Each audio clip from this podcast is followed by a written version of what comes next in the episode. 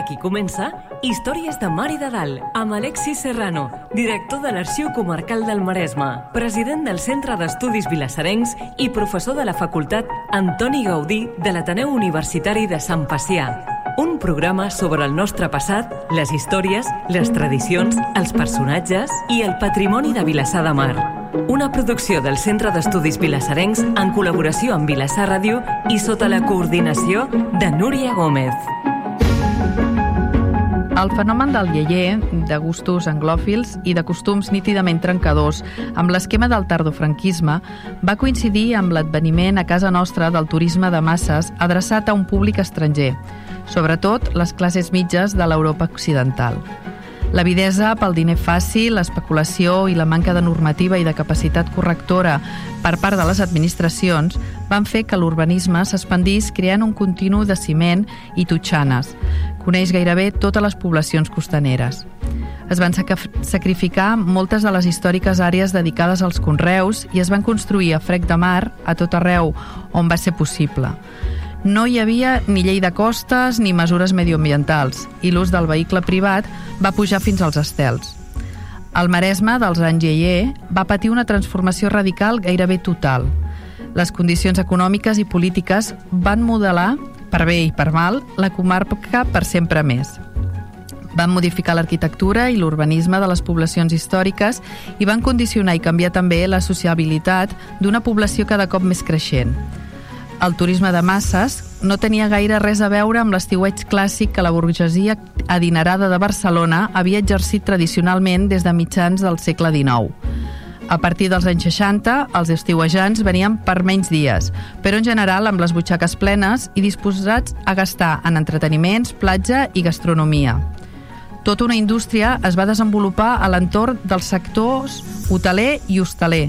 Van aparèixer les discoteques, les boats i les sales de festa, els parcs aquàtics i fins a quatre places de toros on els turistes, pagant, torejaven la vaquilla i rebien un diploma oficial de torero. Tots els tòpics es mesclaven sota el lema Spain és diferent i els arquetips de l'Espanya andalusa, de sang mestissa moruna i gitana, es feien ben presents en els nostres tablaus flamencs. Avui parlem dels anys Yeye. Avui, a Històries de Mar i de Dalt, parlem dels anys del turisme de masses a Vilassar de Mar i al Maresme.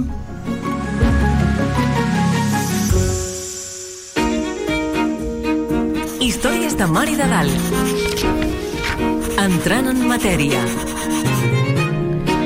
Benvinguts. En el programa d'avui parlarem amb en Xavier Nubiola de El Maresme Yeye i si de casa l'Alexis ens podria posar un context doncs eh, sí, anomenem Yeye aquella fase dels anys 60, d'alguna manera també els 70, d'aquells anys eh, vinculats doncs, a una moguda cultural, una moguda cultural, eh, ja ho has dit, de gustos anglòfils, no? Es generalitzava l'ús en la cançó doncs, l'ús de l'anglès, fins i tot per als nostres, per als nostres cantants eh, i grups eh, locals, d'alguna manera imitaven eh, l'estètica dels grups dels grups d'Anglaterra, sobretot d'Anglaterra, sobretot un grup en concret, que eren els Beatles. Els Beatles, que són un grup que van generar un moviment apocal, no? que va marcar tota una època, i que amb una cançó que tothom recordarà, no? que deia She Loves You, i la tonada deia Yeah, yeah, yeah doncs eh, això, aquest, aquest, aquest element, el yeah, yeah, yeah, va fer un grandíssim impacte. Tant és així doncs, que l'any 64, si no m'equivoco, si no falla la memòria, una pel·lícula que es titula Històries de la, tele de la televisió, on surt la Concha Velasco, doncs que la pel·lícula acaba que ella canta eh, ella canta una cançó que diu Búscate una chica, una chica yeye, una chica yeye, sí que tenga mucho ritmo y que cante en inglés, sí. que tenga el pelo alborotado, las medias de color, etc sí. etc aquest, aquest, aquí genera, aquí genera d'alguna manera, aquí a tot, eh? eh vol dir eh, ieye, que canta en anglès, eh, medies de color, vol dir colors, etc etc. i estem parlant d'una moguda cultural que dins de l'esquema del tardofranquisme eh, no era nítidament alternatiu. O sigui, es podia ser perfectament franquista i perfectament lleier, es podia ser perfectament de missa i perfectament lleier, es podia ser... Eh, eh, perquè lleier era, era ser modern d'alguna manera els moderns, eh, cada generació són els moderns. Mm. Eh, els moderns d'ara són els millennials que saben de tot amb els mòbils, d'aplicacions, del TikTok, el no sé què, eh, són els moderns d'aquesta època els que ja tenim, quan comencem a, a pentinar canes o a perdre el cabell, doncs ja, ja estem una mica demodés, però els moderns de cada època són els mm. joves, que òbviament van amb, amb el moviment de l'època.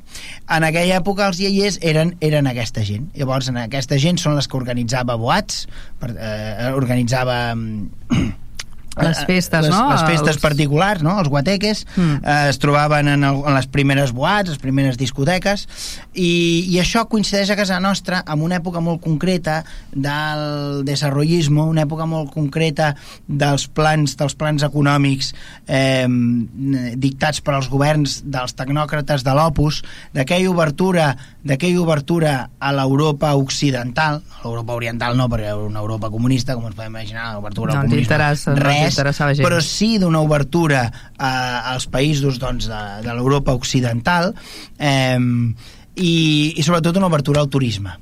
Eh, per tant, a partir d'aquí vindran aquelles grans campanyes, és el turista un milió, etc etc. i amb tot això tindrem un ministeri que es convertirà gairebé en un ministeri omnipresent, amb un ministre que tothom recorda, el senyor Fraga Iribarne, no? que era ministre, era ministre de Comunicació i Turisme, eh? dos, dos idees que van molt lligades. La comunicació és la imatge que vol Espanya projectar, no tant dels mitjans de comunicació, perquè això estava controlat. Això estava, una dictadura, estava controlat, però sobretot la imatge que es volia projectar de la dictadura fora, no? I per l'altre costat, doncs, el turisme, no? És la imatge real que s'emporten els turistes que venen, que veuen i que, i que després eh, s'emporten un missatge cap allà. I en aquest context, i en aquest context de, històric, doncs això lliga perfectament doncs, amb l'adveniment del, del fenomen del turisme de masses. No? Comencem, comença a haver és una roda que es mou gairebé sola i cada vegada es mou més ràpid, no? Hi ha una certa inversió de l'Estat en millores, ampliacions de ports, d'aeroports, etc etc, d'instal·lacions que permeten l'arribada de la gent, però per a l'altre costat el sector privat doncs, va fent hotels, hotelets, més, hotels més grans, eh, càmpings, apartaments, eh, i això i això fa que els llocs aquests privilegiats d'aquesta costa nostra del Maresme, que es, es situa entre dos punts, eh, dos ciutats que tenen els seus aeroports, que tenen els seus punts d'accés, i també la frontera amb França, doncs fa que la nostra costa, la costa del Maresme, es converteixi en un lloc privilegiat. També ho és la Costa Brava, també ho serà la Costa Brava, però sobretot la costa del Maresme eh, trobem aquest impacte claríssim, no? Avui dia, doncs, si ens passegem per la costa, doncs veiem pràcticament un continu de construcció, moltes d'aquestes són, que són complexos de, de, algunes de segones residències, altres que van ser inicialment apartaments, altres que eren hotels i que amb el temps s'han anat convertint en, en habitatges i, i això ho trobem en, en, aquests, en, aquests, en aquests anys, en els anys 60 i en els anys 70. Per això parlem, quan parlem de l'època Ieier a casa nostra, vol dir d'època d'una grandíssima especulació, d'obertura de carrers o d'obertura urbana sense carrers, després vindran els carrers, no? Eh, i, I sobretot això, de diner fàcil, i sobretot també de moguda, de moguda cultural, no? l'entorn d'aquestes discoteques, d'aquests grups de música, eh, grups de, de, de graig que actuaven eh, a molts escenaris, eh, i, i d'alguna manera doncs, eh, avui hem volgut parlar-ne amb, una, amb una persona que és un autor reconegut i a més a més ell es considera a si mateix un lleier i no li ofèn que li diguin eh, i que és en Xavier Noviola, una persona doncs, que jo me l'estimo molt, amb el que sempre és un plaer treballar i que li agraeixo que estigui amb nosaltres. I ara coneguem el nostre convidat d'avui. Històries de Mar i de Dalt. Coneguem el convidat.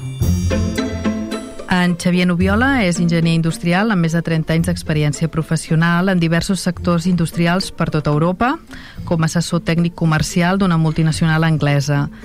Des de fa uns 15 anys és divulgador a conferències i exposicions de projectes que han modernitzat el nostre país i que són la causa del benestar aconseguit per la nostra societat, com ara la revolució industrial i el ferrocarril. És col·laborador del Cercle Històric Miquel Viada i la Fira Ferroviària de Mataró. Com a investigador d'estudis sobre la comarca del Maresme, participa habitualment a la trobada d'entitats del Maresme i la sessió d'estudis mataronins, on s'han publicat els seus comunicats. En, és l'encarregat de l'arxiu familiar Noviola de Castellarnau, fa presentacions sobre la genealogia de la família i la seva activitat com a industrials a la Farga catalana. i és autor del Maresme Yeye.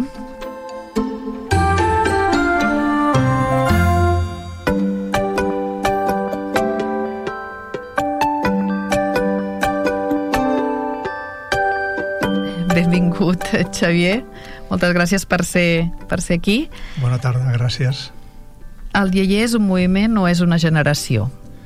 Bé, eh, en realitat és, és, és un moviment. A vegades es diu que és una generació, mm. però és un moviment dintre dels, dels boomers. Eh? Uh -huh. I, I, en efecte, jo em confesso, Yeye. I boomer. Boomer, per suposat. Per l'edat, sóc boomer. Però jo no, realment no, no he sigut conscient mm. d'aquest fet fins que hem fet aquest estudi amb, amb l'Alexis, sí. eh, que, que ha donat lloc a aquest llibre mm. i a eh, una exposició. Sí. Eh, ha sigut a través d'anar-ho pensant que re, realment, pues, en efecte, era ell, eh? Bueno. Amb els guateques, tot, tot això que he estat parlant, no? Sí. La, la música pop, mm. el començament, les boats i, i tot això bueno, el, el, el ser partícip de, de totes aquestes coses fa que, que et, puguem dir que, que ets un lleier. Sí, sí, sí vale, perfecte. Perfecto, perfecto. Hi ha molta gent que ho és i no ho sap.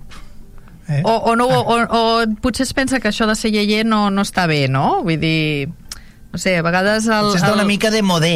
Sí. Però realment, eh, sí. en fi... No, en el seu moment van ser la modernitat, com Clar. ja ho he dit. Sí. Tot lo modern era lleier.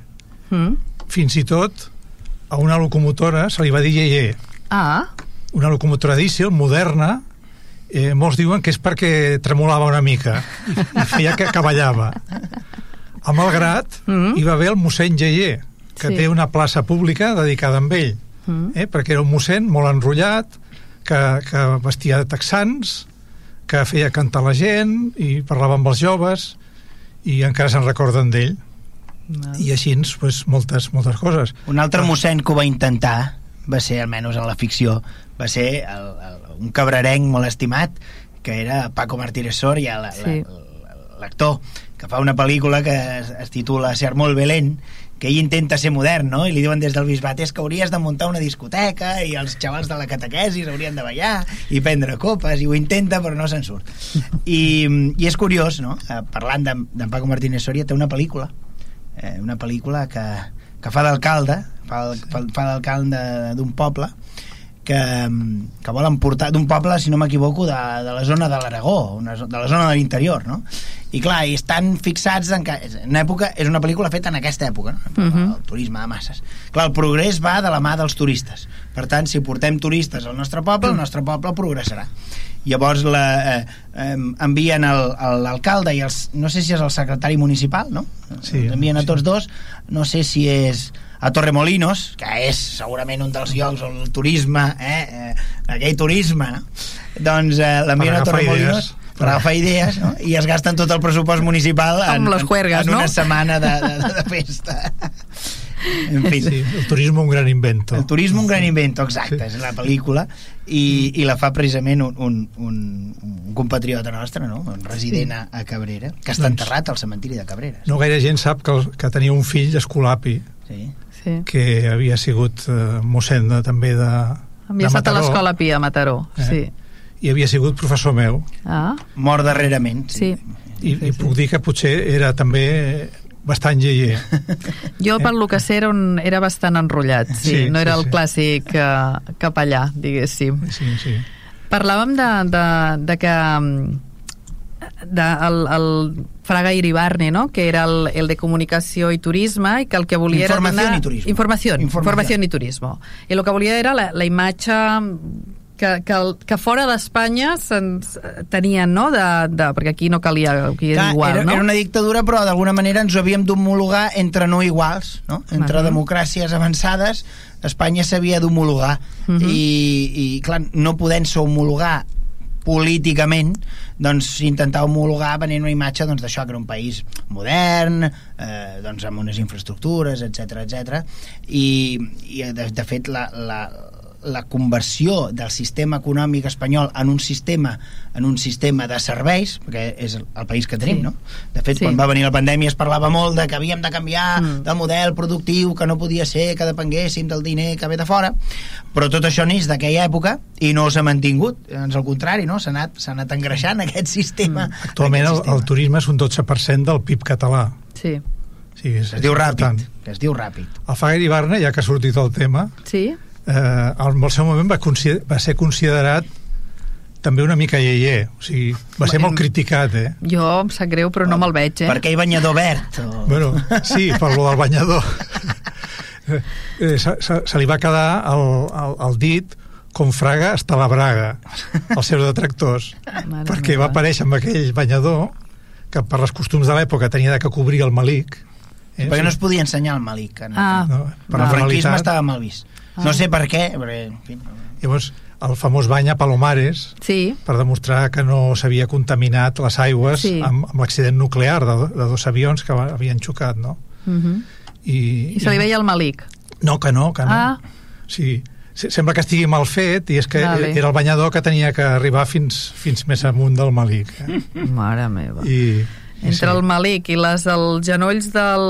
No sé si d'aquí passaria... l'església, no sé mare si, meva. si passaria per Lleyer, per ministre Lleyer, perquè, en fi...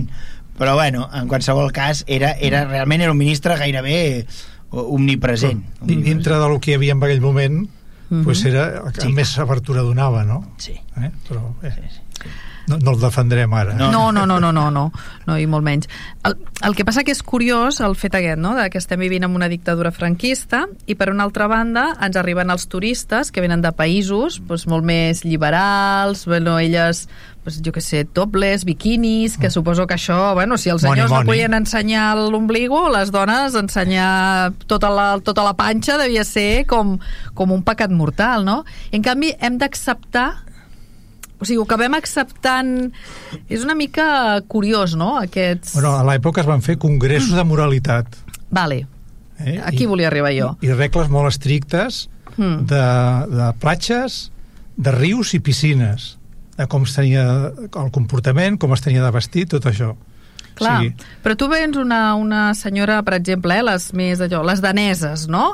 Que aquelles venen que, que són molt modernes i tal, i arriben aquí i aquí els diuen no, no, vostè aquí s'ha de posar eh, tapadeta, posem... no, no, això... Clar, no, no es va fer. Això no es va no es, fer, pot, això no es fer. podia fer, no? Nosaltres li dèiem sueques, tot eren sueques. Bueno, això volia dir també. Vinguin d'on vinguin, Eren sueques. De França en amunt... Eren sueques, i era, totes. era un mit, un mito, un mite Sí. que, que es va fer Mm. i inclús el, el, el capità Trueno, o Sí. capità Tro, Sí, eh, que va ser un còmic molt famós a Sí. l'època, la, la seva núvia, Sí. que era la Sigrid, no? Sigrid, si no la recordar, val. era una sueca. Era sueca. Si, si mireu el dibuix, era una sueca, perquè és el que tot, l'imaginari que teníem en aquell moment. La, la cosa curiosa és que en la, en la coincidència... Clar, les dones fins aleshores anaven amb banyador, però banyador d'aquell que duia faldilleta. Sí, Eh, Les, nostres, les fotos que tenim de les nostres àvies i algunes mares a la platja les tenim en banyador, aquells banyadors amb faldilleta que feien uns plecs així plisadets, no? Eh, així, així anaven les dones a la platja, les dones, les nostres àvies. Però, clar, aquestes dones arriben en biquinis. Llavors aquí es fa una associació d'idees, no?, de les vikingues i els biquinis, no? Vale. Eh, Aquí aquesta, Vale. aquesta associació Vale. d'idees no? entre vikingues i biquinis no? són, dos, eh, t- són dos etimologies diferents, però bueno, aquí, aquí sí. convergeixen no? I ja tenim sueques. ja tenim sueques Ja les hem fet, no? Bueno, hi ha molta gent, de, sobretot a la zona cap amunt, que estan casats amb, amb daneses, amb sueques, eh, o sigui, estiuejants, no? que tu preguntes tal, no, no, jo vaig venir a estiuejar aquí una setmana i mira, ja m'hi vaig quedar per tota la vida, m'hi vaig casar i tinc criatures, eh? sí. Mm. Bé, de fet, Que- de fet hi ha un impacte cultural important és Sí. a dir, clar, hem dit lo de que es van fer congressos de moralitat, perquè clar, això, això ve d'un dia per l'altre. La dictadura batent sobre, des de l'any a casa nostra des del 39, però en altres regions d'Espanya des del juliol del 36. El franquisme batent els caps de la gent amb, amb la versió més arcaica del catolicisme, moltes vegades ai, molt allunyada fins i tot el que es feia a Roma, Mm. A Roma, capital de, la, de la cristiandat catòlica, però eh, batent amb aquesta, amb aquesta versió mm, arcaica, diguem-ho clàssica, però mm, per ser generosos, i d'un dia per l'altre doncs canvien molts dels costums, no? I això, això òbviament, doncs va fer trontollar, va fer trontollar moltes coses. I a més tinguem en compte que això, a més, coincideix cronològicament, coincideix cronològicament amb el gran canvi de l'Església de l'Església Catòlica, que és amb el concili, amb el concili Vaticà II, eh, que eh, hi ha també una certa obertura en, en, en el mateix, el mate, dins de l'Església, no? Dic, eh, i, I això fa, doncs, eh, ja, ja, ja, comença la cosa i sí, sí, comença una obertura i eh, començarem aquí i acabarem amb el destape, perquè com que es passarem de frenada eh, quan arribi la democràcia bueno, tots Ja. seran pits i culs no? El 75 mor el dictador Sí. i el maig del 76 eh, es publica la revista Interview eh, que, Sí. i als pocs mesos l'article de Marisol No, portada. desnuda i joven portada, Sí, portada. en portada Mm. va ser un, un terratrèmol clar, una, Tothom una recordava la. Marisol, de nena cantant Sí. Càndida, aquelles pel·lícules. Sí, tots l'havien vist créixer Angelicals. clar, era una... i, i veure d'aquella manera va- va ser un terratrèmol Total, que molts no? encara no s'hem refet eh? Abans comentàvem de una de les coses del fenomen Yeye o del moviment és la música, no? I dèiem el, els Beatles i el Ye aquest. és l'aglutinador, l'aglutinador va Sí. ser la música pop Sí, y la Concha Velasco con una chica yeye que, que tenga mucho ritmo i que hable en inglès, no? Però llavors hi ha algú d'aquí molt proper nostre, que és el senyor Paret, que, que ens fa un borriquito com tu, que, és una que protesta, és una protesta, no? sí, sí. De fet, sí, és una cançó protesta. Podríem dir que és una cançó protesta. Que aquest senyor era de Mataró, vull dir... Sí, eh, en un dels versos diu no me llames Peter, que jo soy Pedro, Que no? jo soy Pedro, Clar, sí. diu no me llames Peter, perquè eh, eh, també ho hem, tinguem-ho present, eh? Sí. tinguem-ho present.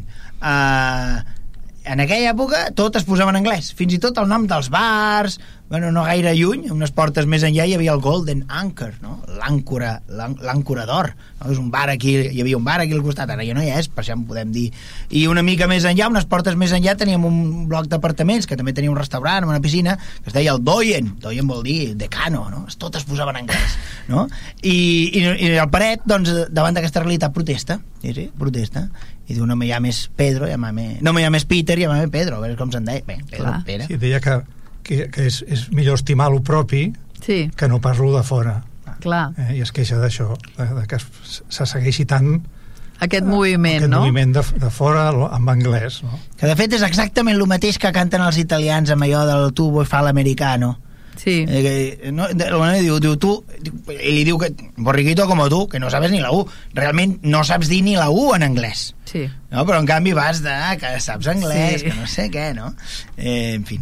Eh, Ara, ara, ara ja, ja hi ha més gent que té l'anglès per llengua, per, Sí. gairebé per segona llengua, però en aquella època molta gent feia servir la, quatre paraules en anglès i ja quasi, quasi, quasi no?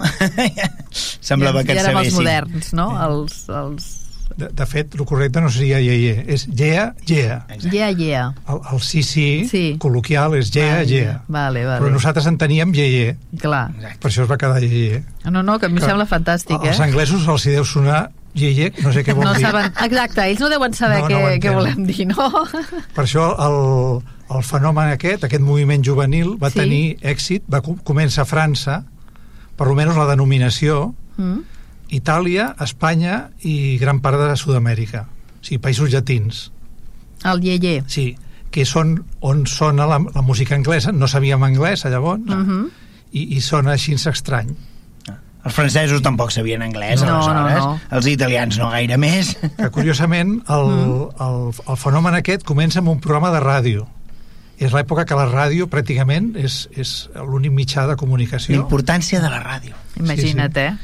Un programa que es diu Salut les copains que vol dir hola amigos eh, Vale. en francès hi havia una, una secció que es deia le chuchu de la semaine Ai, la xuxu Ah, de la la seva. le chuchu, le chuchu no vol dir el favorito de la setmana Ah, i elles presentaven cantants joves, nous val. eh? sobretot noies perquè va ser un moviment femení liderat per, per noies eh? les cantants eh? Excepte alguna excepció però normalment són i comença pues, la François Jardí Franz Gall Brigitte Bardot, Sheila Petula Clark i així com, com, com homes pues, te- tenim el Johnny Holiday Ah, aquest el Eh? coneixem. Mm. i molts d'ells són encara vius eh? són, Sí. són de la meva època Mm. I, I aquí, i aquí a, Aquí a Catalunya, tenim, qui, qui tenim? Aquí també Que porta una bona llista, ell, eh? Sí, per sí. A Catalunya eh, és, és un fenomen molt curiós, sí? perquè aquestes noies, quan, quan, quan, es fan, a- quan, quan es fan més grans, Sí? normalment es casen, i clar, no es, Desapareixen. desapareixen. No està ben vist Bueno, que una clar. noia casada Clar, perquè... es amb vagi de el- gira i tot això. Clar, amb el, franc... Amb aquelles franquisme, faldilles, Les, la, eh? clar, clar, les minifaldes i aquestes coses. Eh, perquè hi ha una fractura cultural aquí. Clar. Ah, hi ha una gent que té uns esquemes, una noia jove pot fer determinades coses sí, però a partir de que es casa... Ja no. Aquí tenim, per exemple, per dir alguns noms, la Betina, Mm. la Bomba Iaier del, del, del Poble Nou, Luisita Tenor. Mm. Mm. Aquesta es va casar amb Francisco Heredero i van fer una parella artística, que Ah. llavors estava consentit. Ella era la Iaier i ell era el rockero, Vale. que va durar molts anys. Després la Gelo, i com més conegudes, pues, Lita Torelló, la Salomé, la gran Ah, la Salomé, sí. que aquesta sí que va fer una bona carrera, A més, aquesta ens va guanyar una Eurovisió, no? efectivament. Ah, anava a dir que poques Eurovisiones que s'han guanyat, la el Salomé... Manà, no? Alguna d'aquestes. Sí. La, la Rocío Durcal. Eurovisió Ah. es va omplir de lleier. Eh? Va ser una Sí. època molt eh, lleier. Allò va ser... Sí, Sí, sí. I uh, um, Potser els hi caldria ara eh, una mica de lleier, a veure si s'anima. la Marisol, també, és- Ah. que, que venia del, del món de, de, Del cinema, no?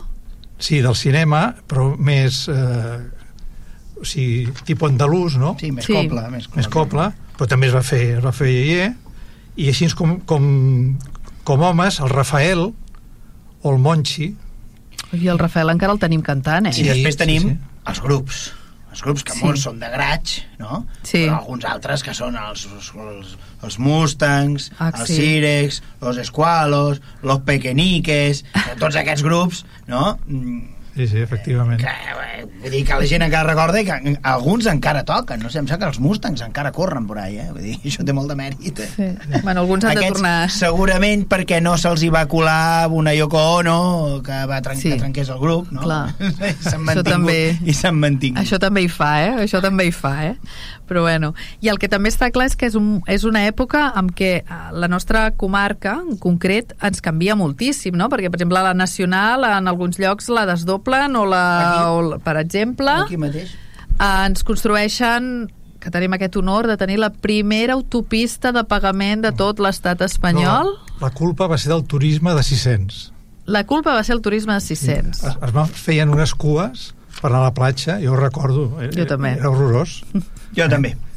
Jo, jo puc dir, que nosaltres estiuejàvem a Tordera i havíem fet de Vilassar a Tordera 4 hores de cua.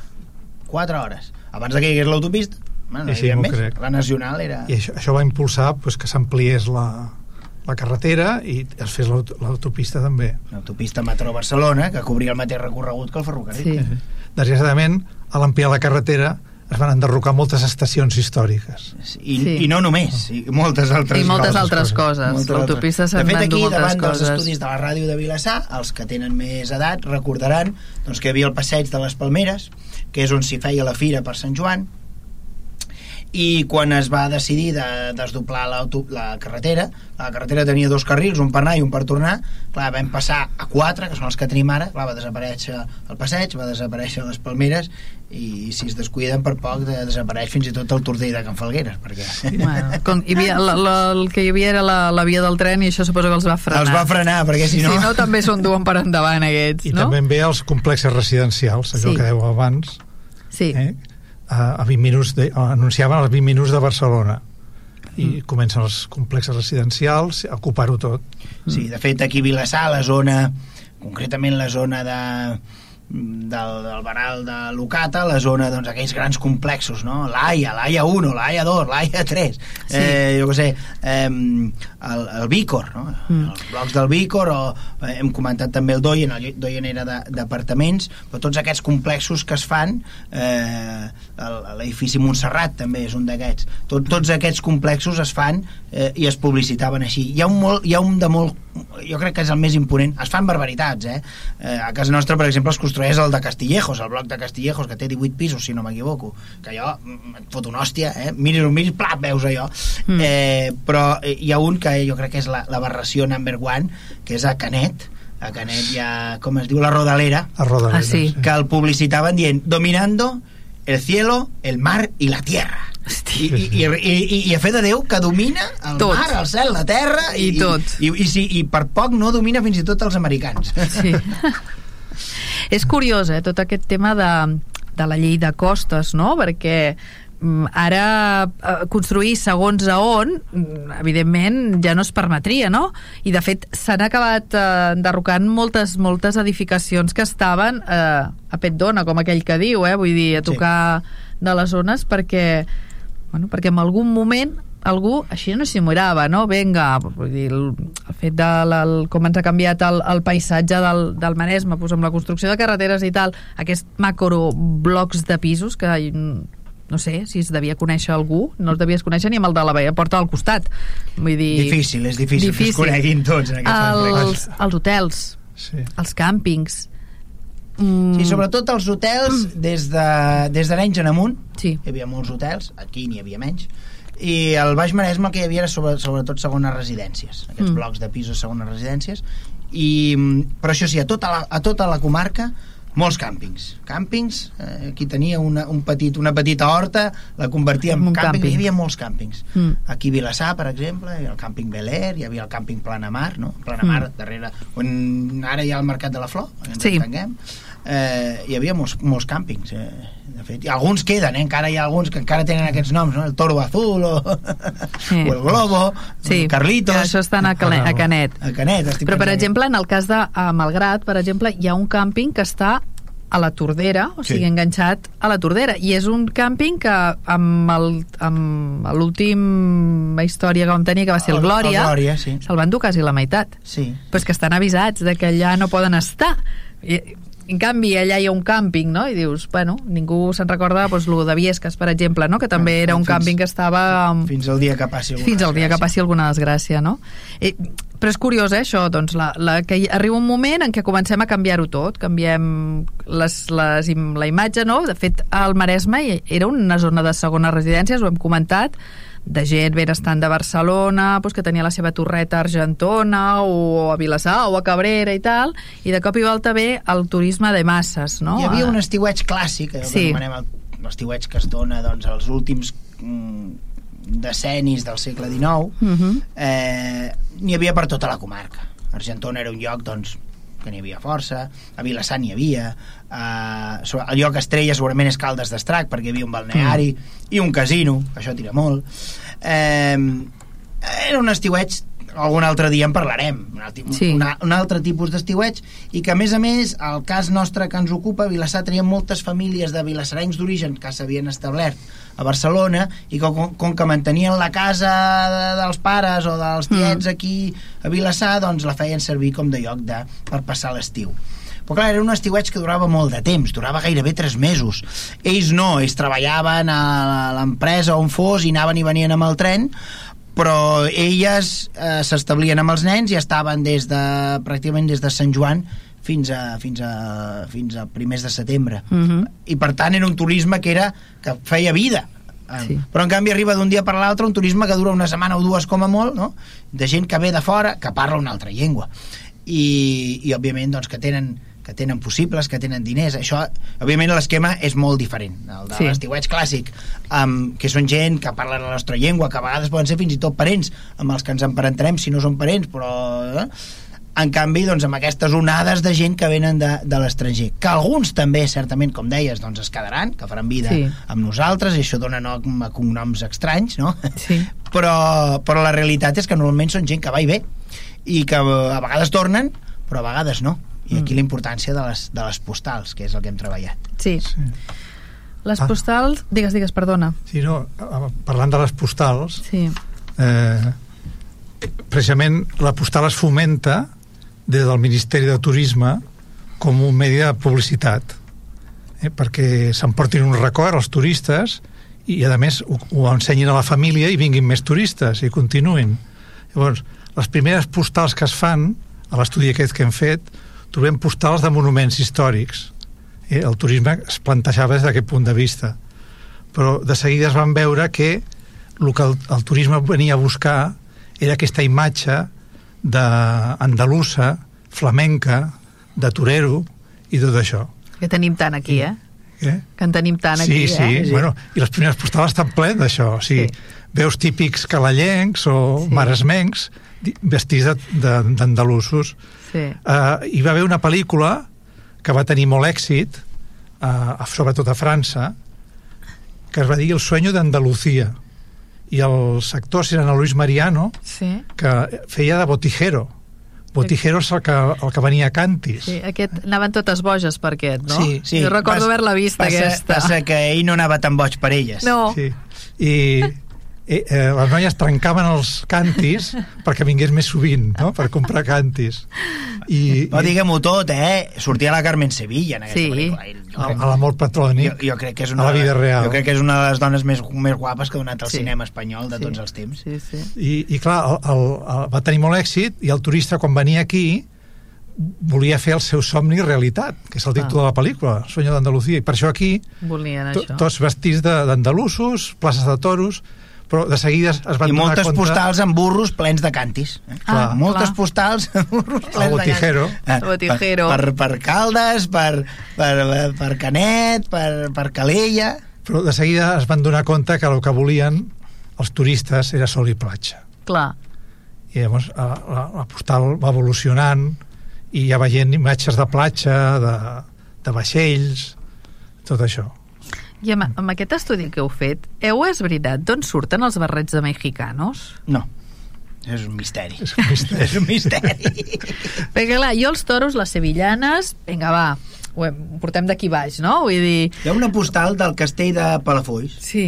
que es veu el castell de Palafolls, un d'aquells forats que té que després al fons es veu sí. el mar i uns barrets de mexicans així posats que dius... mm, És que no ho acabo de trobar jo. Castell del- gòtic, eh? Amb Jo, sí. jo, tinc una teoria, eh? Però... Bueno, no, doncs, doncs comparteix-la si pots. Doncs sí, no, que el, el, el barret de palla Sí, eh, és, és de, dels, els pagesos portaven barrets de palla sí, però... i però... per mi és una evolució del, del, Ah. del barret el que passa que s'ha identificat amb el mexicà però jo penso que que podria tenir un origen català eh? Un dia cridarem en Bilbeny que ens ho expliqui això, l'origen català del barret. del barret de, Sí. de mexicà, no?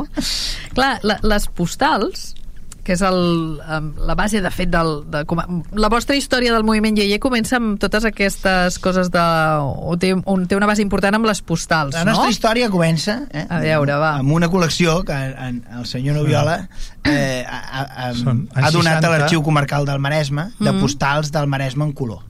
Mm. Una col·lecció molt notable, més de 2.000 de 2.000 peces i i clar, hi havia algunes tan divertides que vam dir que això hauríem de, de donar-li un contingut i va preparar un esborrany de llibre ens hi vam posar i, i, i vam fer un llibre i ens el va Clar, comprar l'editorial és, és l'època lleier el qual no vol dir que les postals siguin lleiers o sigui, és l'època aquesta Sí. De fet, el títol paral·lel. va néixer mig en conya, mig en sèrio. sí, Mm. jo, jo em sorprenc no, el, el títol va posar l'Àlex eh? sí. però jo al principi em vaig quedar sobtat però ho vaig pensar i vaig dir doncs té raó Ell havia posat un títol més escèptic. Havia posat un títol que era el, la postal turística al Maresme entre els anys tal i tal. Bueno, com a títol descriptiu està molt bé. Sí. De fet, això va néixer que a la trobada d'entitats de recerca Sí. local i comarcal del Maresme que vam celebrar, ja no me'n recordo quin any, a Santa Susanna, Fa un parell anys, d'anys. Un parell d'anys, Mm. a Santa Susanna, que el tema era precisament l'estiueig i el turisme, doncs eh, ell va presentar una, una recopilació amb la, la manera que ho fa ell, tan divertida, amb, amb, Sí. sí. amb cançons, eh, i, va, i va preparar un, doncs, la comunicació. I llavors va posar el títol aquell, la postal, no sé què. I la Georgina i jo vam fer un comentari, la Georgina, la tècnica de l'arxiu, vam fer un comentari dient, és que eh, la, de, les postals iaiers del, del, del Noviola. I llavors li vaig, pues canvia el títol, que té més ganxo. I I no em va dir res, eh? Va ser traïció. I es va trobar el programa que posava el Maresme Iaier, la postal turística i ara què faig jo? Però, però va, va tenir ganxo, va tenir Sí, ganxo. sí, sí. Bueno, de fet, jo recordo que va ser una, una intervenció molt divertida, perquè el que diu ell, a part de que, de que hi havia postals, la música...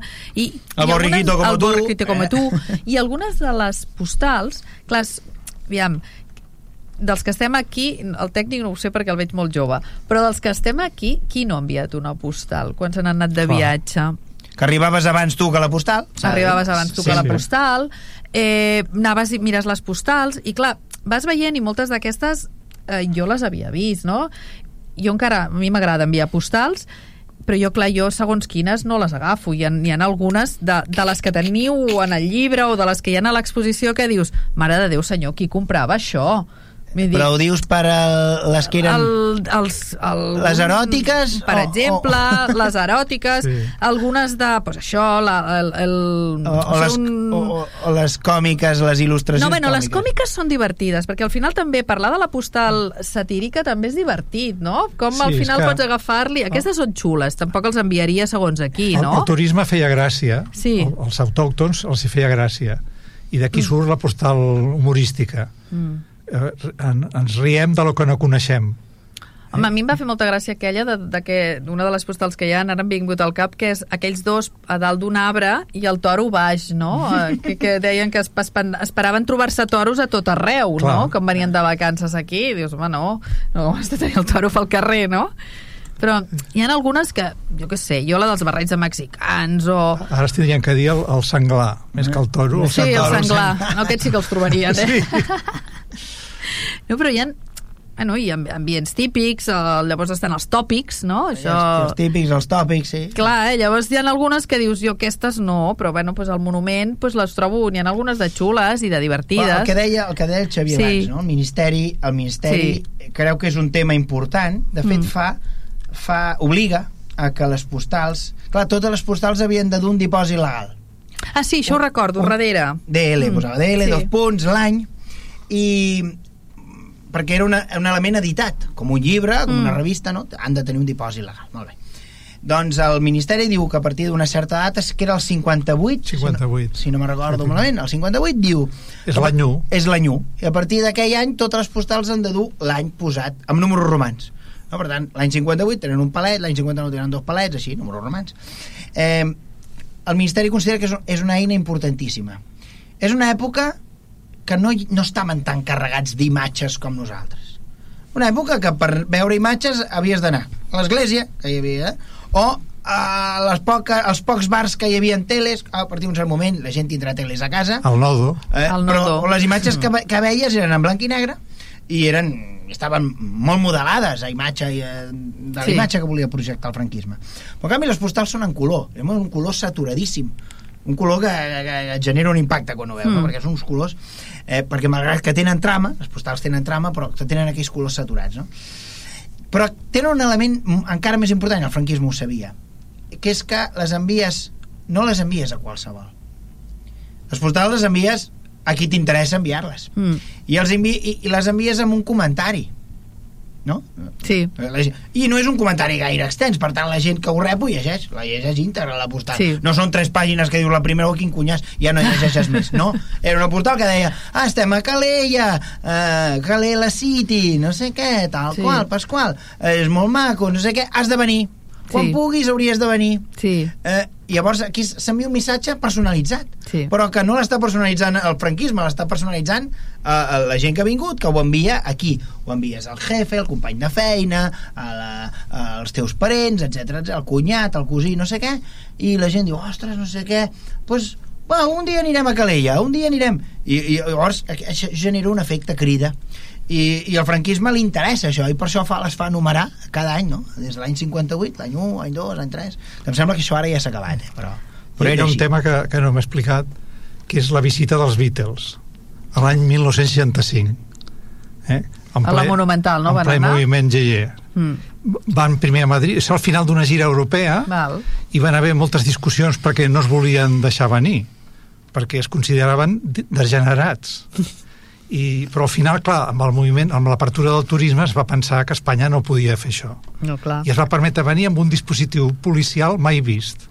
Primer van anar a Madrid, a, la, a les ventes, i després van venir a Barcelona a la Monumental. O sigui, dos, dos actuacions únicament. I no se'ls ocorre res més. Bueno, d'entrada ja van a places de toros, no? Sí. O de braus, com es vulgui dir. Mm. Però els vesteixen de toreros.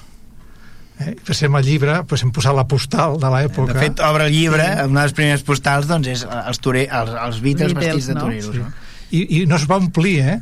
Perquè havien ficat tanta por al cos de que això era, era algo... Bueno, clar, I, és normal, no? i bé, va, va passar una mica sense pena ni glòria però és un fet important que els Beatles vinguessin a, Sí, sí que ho és. Sí. a Barcelona i tot això.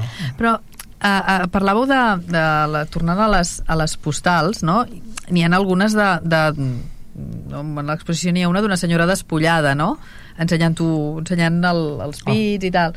Topless. Amb topless. Clar, això, amb un règim franquista que... De modera, bueno, de... Bueno, això ja era als anys 70, Ja era més 80. alt. 70, 80. Val, val, És l'època del destape. Ja, ja és l'època del destape. Un proper llibre que farem serà el Maresme del Destape. Sí. no, això és, és broma, és broma.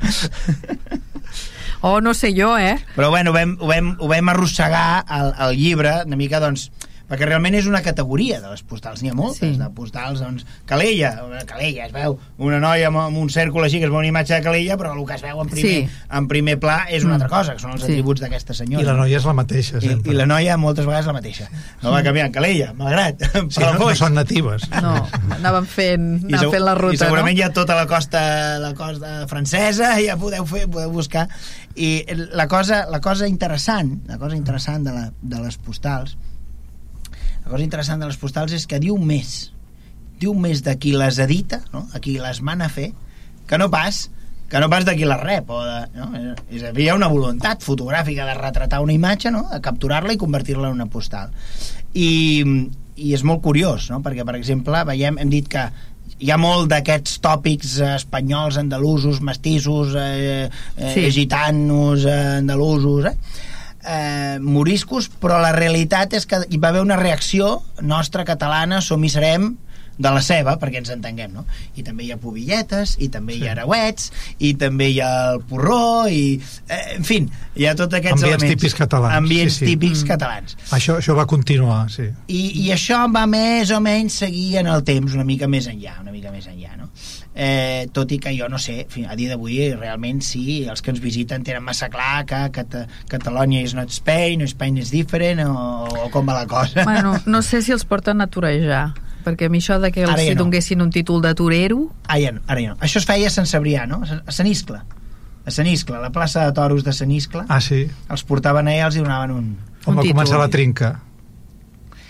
A mi Bacanet. m'agrada pensar que mo- algunes cases de França, algun Sí. lloc, eh, de França, d'Alemanya o d'algun país d'aquests, algú tindrà Una a casa dels avis un, un diploma de torero. De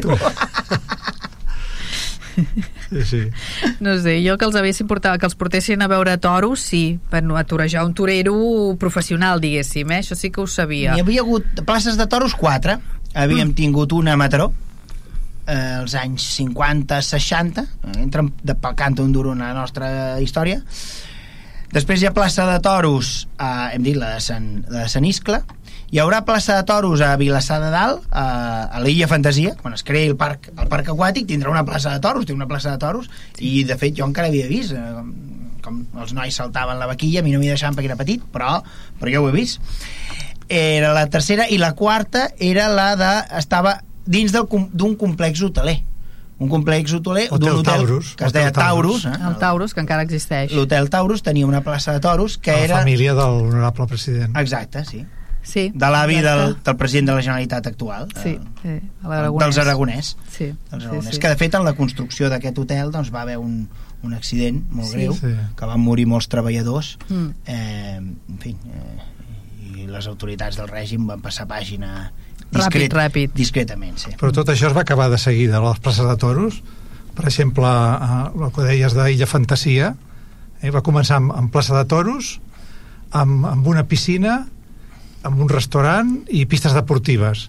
I l'únic que va tenir èxit L'aigua. va ser la piscina amb, un- amb un tobogan que hi havia. Sí. Eh? I de seguida es va, es va plegar la, la plaça de, de, de toros i es va posar un auditori per fer concerts Grans esdeveniments, sí. i, i les pistes deportives i tot va desaparèixer i es, es va ampliar un parc aquàtic. I el restaurant era macro, s'hi feien grans, grans convits, allò... Sí, sí. En fi, Les, com, com, com, o sigui, com arribem a tenir, has dit 2.000 postals? sí, sí, sí. Com, 2.000 postals més Més altres materials, més altres materials. Folletos turístics. Planos turístics, fulletons... Eh... Com- adhesius, com- etiquetes. Com, què, què ens porta a tenir aquesta col·lecció? Bé, eh, comença perquè jo sóc un aficionat del tren, Sí. que per cert, no ho hem dit encara, però enguany és, és el 175 aniversari del tren de Barcelona a Mataró. D'això ja en parlarem en un altre programa. Sí, sí, sí. Sí, sí, no, no ho hem dit Ah, llavors- perquè ho reservem per un altre dia. Jo em dono compte que les, hi ha postals Sí. que es veu que, per, que surt el tren i m'interessen, es veuen les estacions d'aquella època Mhm. eh, i vaig, vaig agafant postals, però clar, es veu la platja també Val. i, i d'aquí ve de, de, de fer, veig que és una postal turística interessant i, i a part de que es veixi el tren vaig començant a fer altres coses que inclouen el turisme Uh -huh. i això va augmentant no, no, és, no és que siguin unes postals gaire valioses potser després del llibre augmentaran de preu Ah, potser. però, però abans eh, el quilo val, val 10 euros No, no, no ho hem fet per especular, eh? Dit Ja. un llibre perquè pugi el preu de la postal. més o menys especificada o sigui, i són 400, un quilo són 400 postals Déu-n'hi-do. eh? I així així pues, s'ha anat fent Bueno. en poc temps, eh, tampoc les postals del tren no ja feia temps que les tenia però al completar-ho fent aquest estudi Més turístic. de, de, turístic ja doncs eh, pràcticament en dos o tres anys s'ha fet Jo, jo vull dir una cosa. Jo vull dir Digues. una cosa que és que, de fet, el dia de la presentació ho va dir, ho va dir el, el meu cap, ho va dir, però no sé si va quedar prou clar. Eh, treballem sovint, eh, els arxivers treballem sovint amb, amb col·leccionistes. Eh, I podem dir que els col·leccionistes són gent, en general, no t'ofenguis, però en general són gent molt particular, Mm. molt particular. Eh, I en general, i jo ho entenc, perquè és així, el col·leccionista inverteix una part dels seus diners en, en, una, en una dèria, no? Jo col·lecciono mm. cromos d'això, jo col·lecciono eh, llibres Sí. d'allò, jo col·lecciono... Però el que no és massa usual de trobar és un col·leccionista generós que dongui la seva col·lecció a, a, a una institució pública. I en canvi el senyor Nubiola ha fet, ha fet aquesta tasca energètica, no? filàntropa, d'adquirir una, una notable col·lecció de postals Mhm. eh, i, i donar-la. A dia d'avui aquesta col·lecció de postals està a la, al, al cercador arxius en línia, es pot, es pot veure tota la col·lecció completa, estan totes les imatges amb la seva descripció i, i això ho ha fet generosíssimament el és, és senyor. patrimoni de la humanitat eh? Ara és patrimoni de tots, sí, De tots. I, la, i, i es pot, es pot eh, consultar des de qualsevol mm, lloc del planeta, doncs sí, d'alguna manera és un patrimoni, no sé si de la humanitat, però sí que la humanitat en pot disposar. Està això, clar. és- això és jo m'he passat molt bé fent l'exposició, el llibre Home, jo m'ho crec, eh? Perquè ha de la, ser la divertit. col·laboració amb el- amb l'arxiu comarcal ha sigut ha sigut im, impagable Bueno, sí, Doncs és aquesta fàcil, exposició es pot visitar fins al dia 26 de gener Eh? Jo l'he vista dos vegades. i per tant, doncs, eh, I, qui vulgui I m'ha agradat molt. A més a més, m'agrada molt la música que va sonant mentre l'estàs veient, perquè et posa amb, amb antecedents, no? Deies que hi havia no només les 2.000 postals, sinó que hi havia folletos i plànols, històries... Tota aquesta documentació eh, l'hem trobat de la mateixa manera a, a tant al quilo o, o ha sigut una No. mica més de recerca? això hi ha, hi ha moltes coses meves de, de, de, jo, jo és que visc al Maresme no? Sí. i de recollint coses i hi ha coses personals també Val. Jo hi ha una de les coses que hi ha a l'exposició que li vaig enviar al, a una de les propietàries de l'hotel, li, li vaig fer una foto i li vaig dir, això em sembla que és teu. I li va fer molta il·lusió. ah, d'alguna etiqueta dels hotels etiqueta no? d'un allò hotel, que posaven sí. al, al... Sí, sí, a les sí. maletes. Sí, sí. Sí, sí, sí. I li vaig dir, em sembla que això és vostre. I em va dir, ostres, sí, on tu has vist això? Coses, hi ha coses molt curioses, per exemple, també hi ha les etiquetes que es posaven a les maletes. Ah, sí? No? Les maletes d'on Sí, hi- sí, perquè ara les portem totes molt netes i molt polides, però abans era molt... Però una cosa eren Sí, els adhesius i una altra cosa Sí, era les- la, la les cinteta que es cintes. penjava a, a, la, a la corretxa de la, de Ah, la veus, maleta. aquesta no la sabia. I, i n'hi ha unes quantes, que això és difícil de que es conservi, això Sí. la gent també, pensava. Sí. també han portat andròmines eh? I de fet sí, hi ha algunes la- ràdios i... però la- l'andròmina l'andròmina més l'estrella de la- de l'exposició La més covejada de és de totes. l'Alexis eh?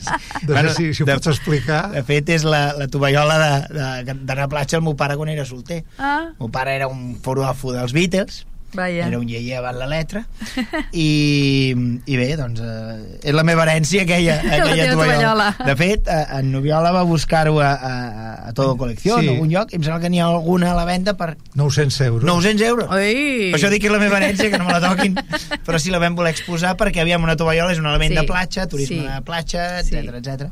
I, I sí, sí, qui vulgui veure l'exposició fins al 26 de gener a l'Arxiu Comarcal, carrer d'en Palau 32, Mataró, plaça de l'Ajuntament. És molt recomanable, ja ho dic. I, de, I evidentment el llibre, perquè és molt interessant doncs, tot el que heu anat explicant, perquè al final, al final l'exposició, igual que avui, són Unes pinzellades. pinzellades però clar, al llibre hi tens tota la tens el llibre, informació, la no? virtut que té aquest llibre és que és un llibre que, que va com... Hem intentat endreçar les postals, no? Com per blocs temàtics. Eh, hi, ha, hi, ha un, hi ha una sèrie de blocs temàtics, no? Eh, ja els hem dit, no? Que si els ambients típics, que si el, els ambients eh, no tan típics, no? Aquests ambients més andalusos, no? Que ens entenguem. Eh, després hi ha doncs, la secció doncs, dedicada al ferrocarril, perquè clar, el ferrocarril surt eh, moltes vegades no saps si el fotògraf estava esperant que passés el tren per fer la foto del tren o de la platja, però és curiós perquè el binomi tren vol dir el vehicle passant per sobre les vies i la platja és gairebé omnipresent, Sí, no? sí. Per tant, hi ha un capítol dedicat al tren, hi ha un capítol dedicat als trenets, aquests trenets turístics de les poblacions, Ah, sí? hi ha un capítol dedicat a les carreteres i a l'autopista, hi ha hi ha un altre dedicat als dels eh, establiments hotelers i hostalers, no? que si restaurants, que si, que si bars, etc etc. Curiosament, un, un, un tren d'aquella època es deia Suïssa. Ah. Eh? que el dia de la presentació jo dic, mira, una Suïssa. Ah. No? I, i Alexa va preguntar, I, i això com ho saps? Clar, perquè hi havia unes dones prenent el sol i, i, i, es veu, i hi havia una locomotora diu, aquesta és una suïssa, dic, home, com ho saps no? Sí, clar, com la locomotora. i diu, no, la locomotora dic, ah, bueno. Són els, els trens elèctrics d'aquella època. hi ha, per exemple, hi ha, obrint cada capítol hi ha una postal, ara que parlem del llibre obrint cada capítol hi ha una postal de l'Àngel Granyena que segurament és un dels il·lustradors que ha fet postals que n'ha fet més de, del país amb el que doncs, eh, en Xavier doncs, va, va Sí. aconseguir tenir els drets eh, El, de... el, el coneixem, és, és viu, té 94 anys, Uh -huh.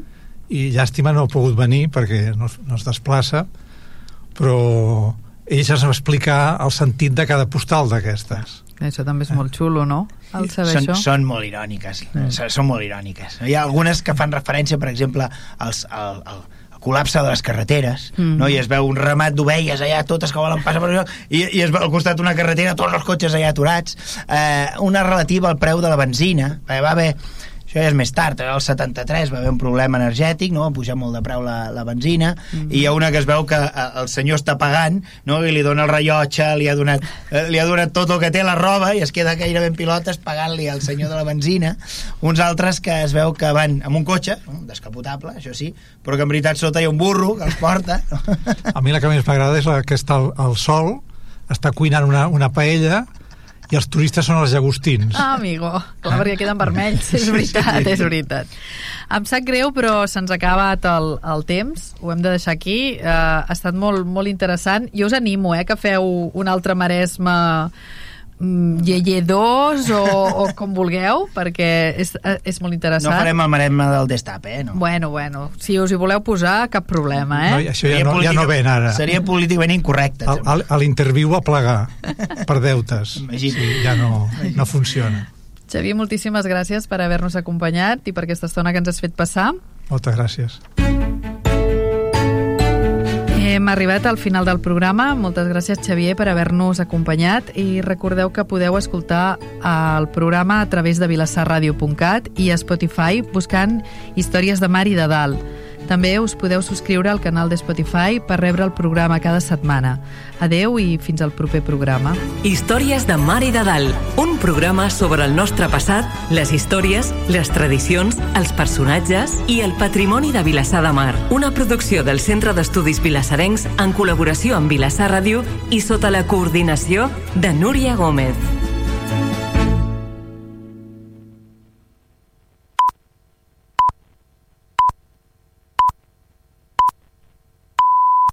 Vilassar Ràdio són les 10 de la nit. No deies que us aniria molt bé contractar algú jove per donar una empenta a l'empresa? Sí, per què? El servei públic